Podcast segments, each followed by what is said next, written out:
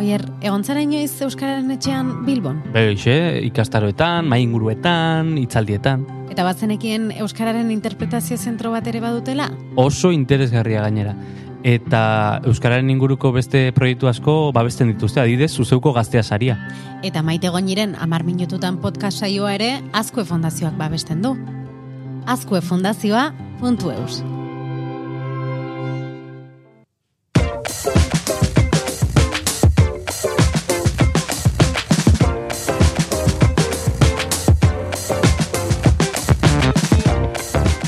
Badituzu amar minutu, gaurko saioan zientzian oinarritutako hainbat aholku emango ditugu hobeto ikasteko eta lagungarri gerta daitekeen aplikazio baten berri emango dugu.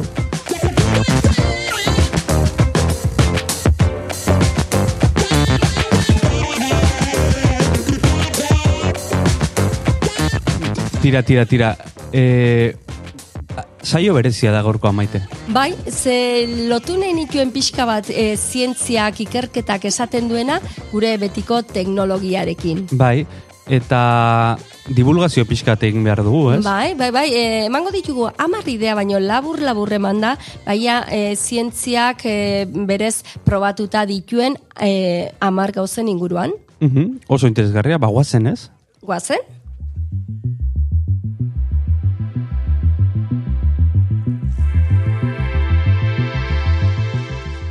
Now suddenly realize that my students do not remember everything I tell them.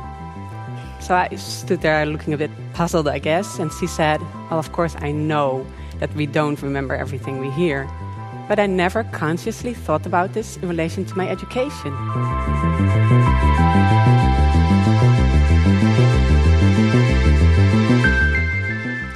Nola ikasten dugu? Hau da neurozientziak dioena.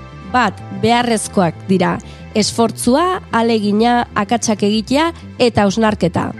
Ikasi behar den horri buruz sakonki pentsatzeak eta aldez aurretik dakigunarekin loturak egiteak ikasten ari garen horri zentzua topatzen laguntzen du.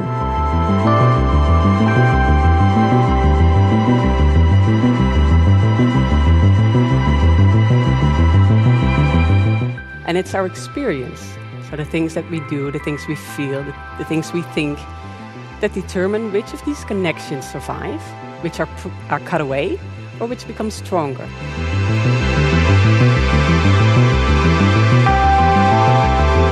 Jakimina eta autonomia badute ikasleek eta ikasi behar dutenaren helburua garbi badute, motivazioa igo egiten da. You can stimulate curiosity. You can relate the topics in your classroom to real world problems.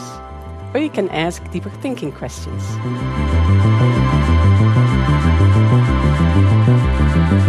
Ikasitakoa berreskuratzeak memoria indartzen du. Dena batera ikasi beharrean tarteak uzten baditugu saiotik saiora, ikaskuntza egonkorragoa izango da.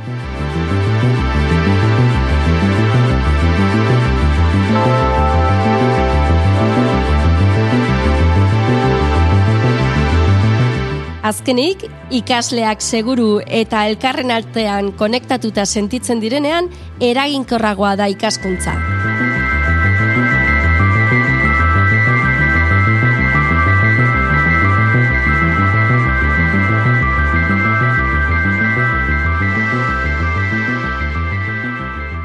Bueno, sentsazioa daukat, asko zer gehiago dakidala ikasketa prozesuaz. Bueno, oier, ematen du askotan e, txorakeriak direla esaten diren hauek, baina puntu hoietako bakoitzaren atzean gauza oso oso sakonak daude eta benetan lagungarriak gerta litezkenak, ez, ezkuntzarako. Eta, eta gure burmuinak nola funtzionatzen duen jakiteak, Bai. ez, asko laguntzen du. Bai, eh, bai, izugarri. eh, hezkuntza nola, nola, ze mekanismoren bitartez egin, Bai, eh, eta bideratu. gaur egun garbi, garbia da, ez? Hoien atzean adibidez, ba, dena batera ikasten denean, gero hori eduki hoiek ez direla gerta, eh, geratzen, ba, e, epe luzeko memorian, eta eta horrelako gauzak, eta noiz, eta epeak noiztik nora errepasatu behar diren gauzak ondo ikasteko, ondo barneratzeko. Badago ez da bai da, desente, bueno, igual beste aldi baterako, baina etxeko lanak bai, etxeko lanak ez, Bai. eh, ebaluak eta sistemak nolakoak izan beharko luketen. bueno, gauzak oier asko ari dira aldatzen, eh? metodologia aktiboak eh, txertatzen ari dira, eta ebaluazio prozesuak, eta eta garapena orokorrean asko ari da aldatzen. Baina ez da hori gaurko jaia. Ez, nik eramate eramate zaitut, ez? Bai, ez nik nahi nun pixka bat, oiek e, Bai. entzun ditu, eta nahi nun laugarrenare, bueno, aipatu dugun oietako batekin lotu, ez? Ba, Bai. e, batzuetan ikaskuntza, bueno, e, metodologia aktiboek eta egiten dutena da, ba, eginez ikasi eta bar, baina baita ere puntu oietako puntu batzuetan, ez, aprendizaia zikloaren momentu batzuetan, ba, e, ezinbestekoa da ikaske, ikastea, betiko ikastea, eta memoria Memorizatzea gorde memorizatzea, gauzak. barneratzea, eta gero edozein momentutan, ba, barneratu dugun hori, berreskuratu alizatea, konbertsazio batean, egoera batean, eta bar, praktikan jarri alizateko ikasitako hori. Teknika hauek nahiko nituzkenik jakin duela urte batzuk ebaluatzen ari nintzenean. ba bai, e, nik egia esateko, bueno, hemen dauzkagu horrelako pista asko, ez? Ba, e, Bai. adibidez, e, bata, e, dala nahikoa apunteak behin eta berriz irakurtzazuk, apunteak irakurtzen zenituen behin eta berriz, eta pentsatu bigarren aldian hobeto geratuko litzaizula. Eh, Ni kopiatu iten dituen. Bai. Nere apunteak eh, Zure garbira pasa, bestelakoa zan. eta, eh, eta gero klasean eh, aditu. Aha. Apunteak hartu baino Hori da. aditu. Ah, bai, bueno, eh, askotan eh, entzuten ari zarenean eh, apuntatzeak ere horrek adiago egoten eh, laguntzen, Laguntzen du, dizu, bai. eh?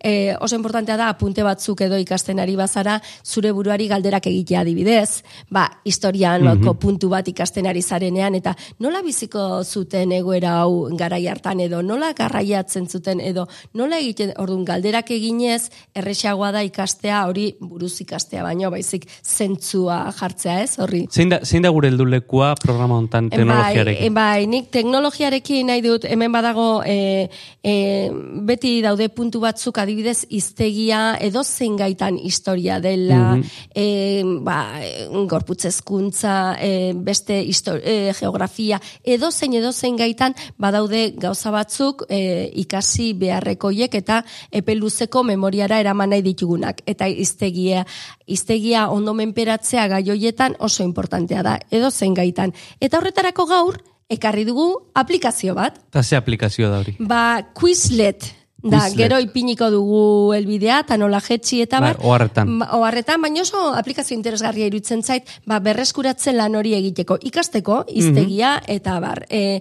probatzen bali baduzue, e, egin beharko genukena, delako gai horretan hitzak e, apuntatu, ulertzen ez ditugunak, eta beraien definizioa landu, Bai. eta hori e, aplikazioan sartu, ematen dizu aukera, zeitz sartu nahi duzun, hitza eta bere azalpena. Hitza eta azalpena, hitza eta azalpena. Orduan, hoixe bakarrik behar duzu. Hogei hitz dituzula gai zehatz batean edo hogei tamar, ez gai bakarrik hizkuntzari buruz hitz egiten, eh? Aiga edo zein kontzeptu, Bai. izan liteke kimikan, fizikan, Definizioak. bai, definizioak, eta bar. Eta orduan, programa honek egiten dizuna da pentsa. Alde batetik, e, betiko flashcard hoiek egiten dizkizu. Hau da, hitza saltzen zaizu, eta zuk e, egiten duzu, buelta ematen diozu txarteltxoari, eta ematen dizu definizioa. Hori lehenengo pausotxo izango itzateke. mendizabalen desamortizazioa. Adibidez, eta Klik emango dizuke eta- azalpena, Bai. hori da, oso adibide polita. Eta ordun hori izango itzateke modu simple-simplean hasteko, baino gero ematen dizu, bale, definizioa, berak egiten du, eh? programak bakarrik ematen dizu definizioa mendizabalen desamortizazioari buruzkoa, eta zu jarri behar duzu zer dan, mendizabalen desamortizazioa. Orduan, lotu in behar duzu, Bai. ba, definizio hori hitzarekin baino ja zuk idatzita, ja da pauso bat area xiego duena. Beste batean, eh, daude egiten dizkizu baita zuk idatzitako hitz eta definizioekin sortzen dizkizu match ariketak parekatzekoak. Oso modu visualean parekatzen dituzu, atza erabiliz eta bar. Eta gero tesak ere, testak eh, amaierako testoiek jartzen dizkizu ba ikasteko. Eta ordun, eh, noizpenka gogorarazten dizu aplikazioak ba, pasadenean tartea ikerketa e, oinarrituta dago eta tarte bat pasatzen denean esatizu, eh? errepasatu berriz e, ezazteko. Eta orduan horrela joaten zara, ba, e, egin ditzakezu horrelako blokeak ba, e, materia guztietarako eta horrela zure mm, ba, er, berreskuratu nahi dituzun jakintza terminoiek, definizioak eta bar, ba, landu ditzakezu modu ba, e, gom- gamifikazio pixka batekin. Orain txigatoz.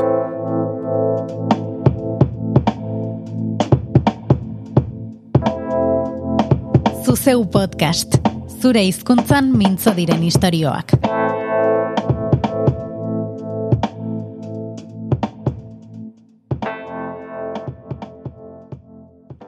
Eta zerekin gelituko gara gaur, maite? Ba, nik Guzti uste ba, guzti hau entzun da gero, e, pausoak eman dira, ikerketa hor dago, e, gauz asko dakigu ba, memoriak nola funtzionatzen duen eta abar, eta badakigu e, ikerketak horri egiten dulako, txarteltxoak erabiltzea, estrategia eraginkor bat izan litekela. Ba, horri helduta, guk aplikazio bat erakutsi dugu, ekarri dugu ona, Quizlet aplikazioa. Eta animatu nahi dut jendea, ba, probatzera. Oso ondo badakizue azterketetan zaudetenok, ez zaudetenok, baino laizter ukiko dituzuenok, badaukazu errementa berri bat, probatzeko zeuen memoria e, zenbateraino indartu dezakezu. Bai, edo bestalde batetik ere hizkuntza ez bakarrik ikaslentzat, hizkuntza edo pertsonalduentzat e, proba dezatela, baita hizkuntzaren batekin edo egin dezakete proba.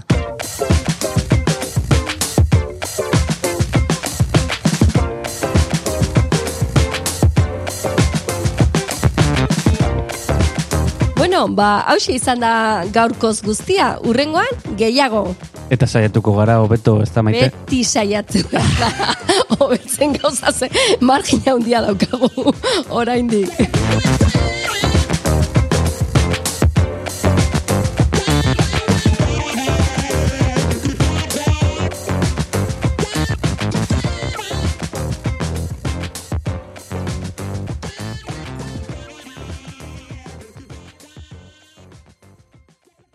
Edozein plataformatan entzun dezakezu zuzeu podcast. Spotify, Apple Podcasten, Google Podcasten, eta plataformaren batean espalima gaude, idatzi podcast abildua zuzeu.eus elbidera.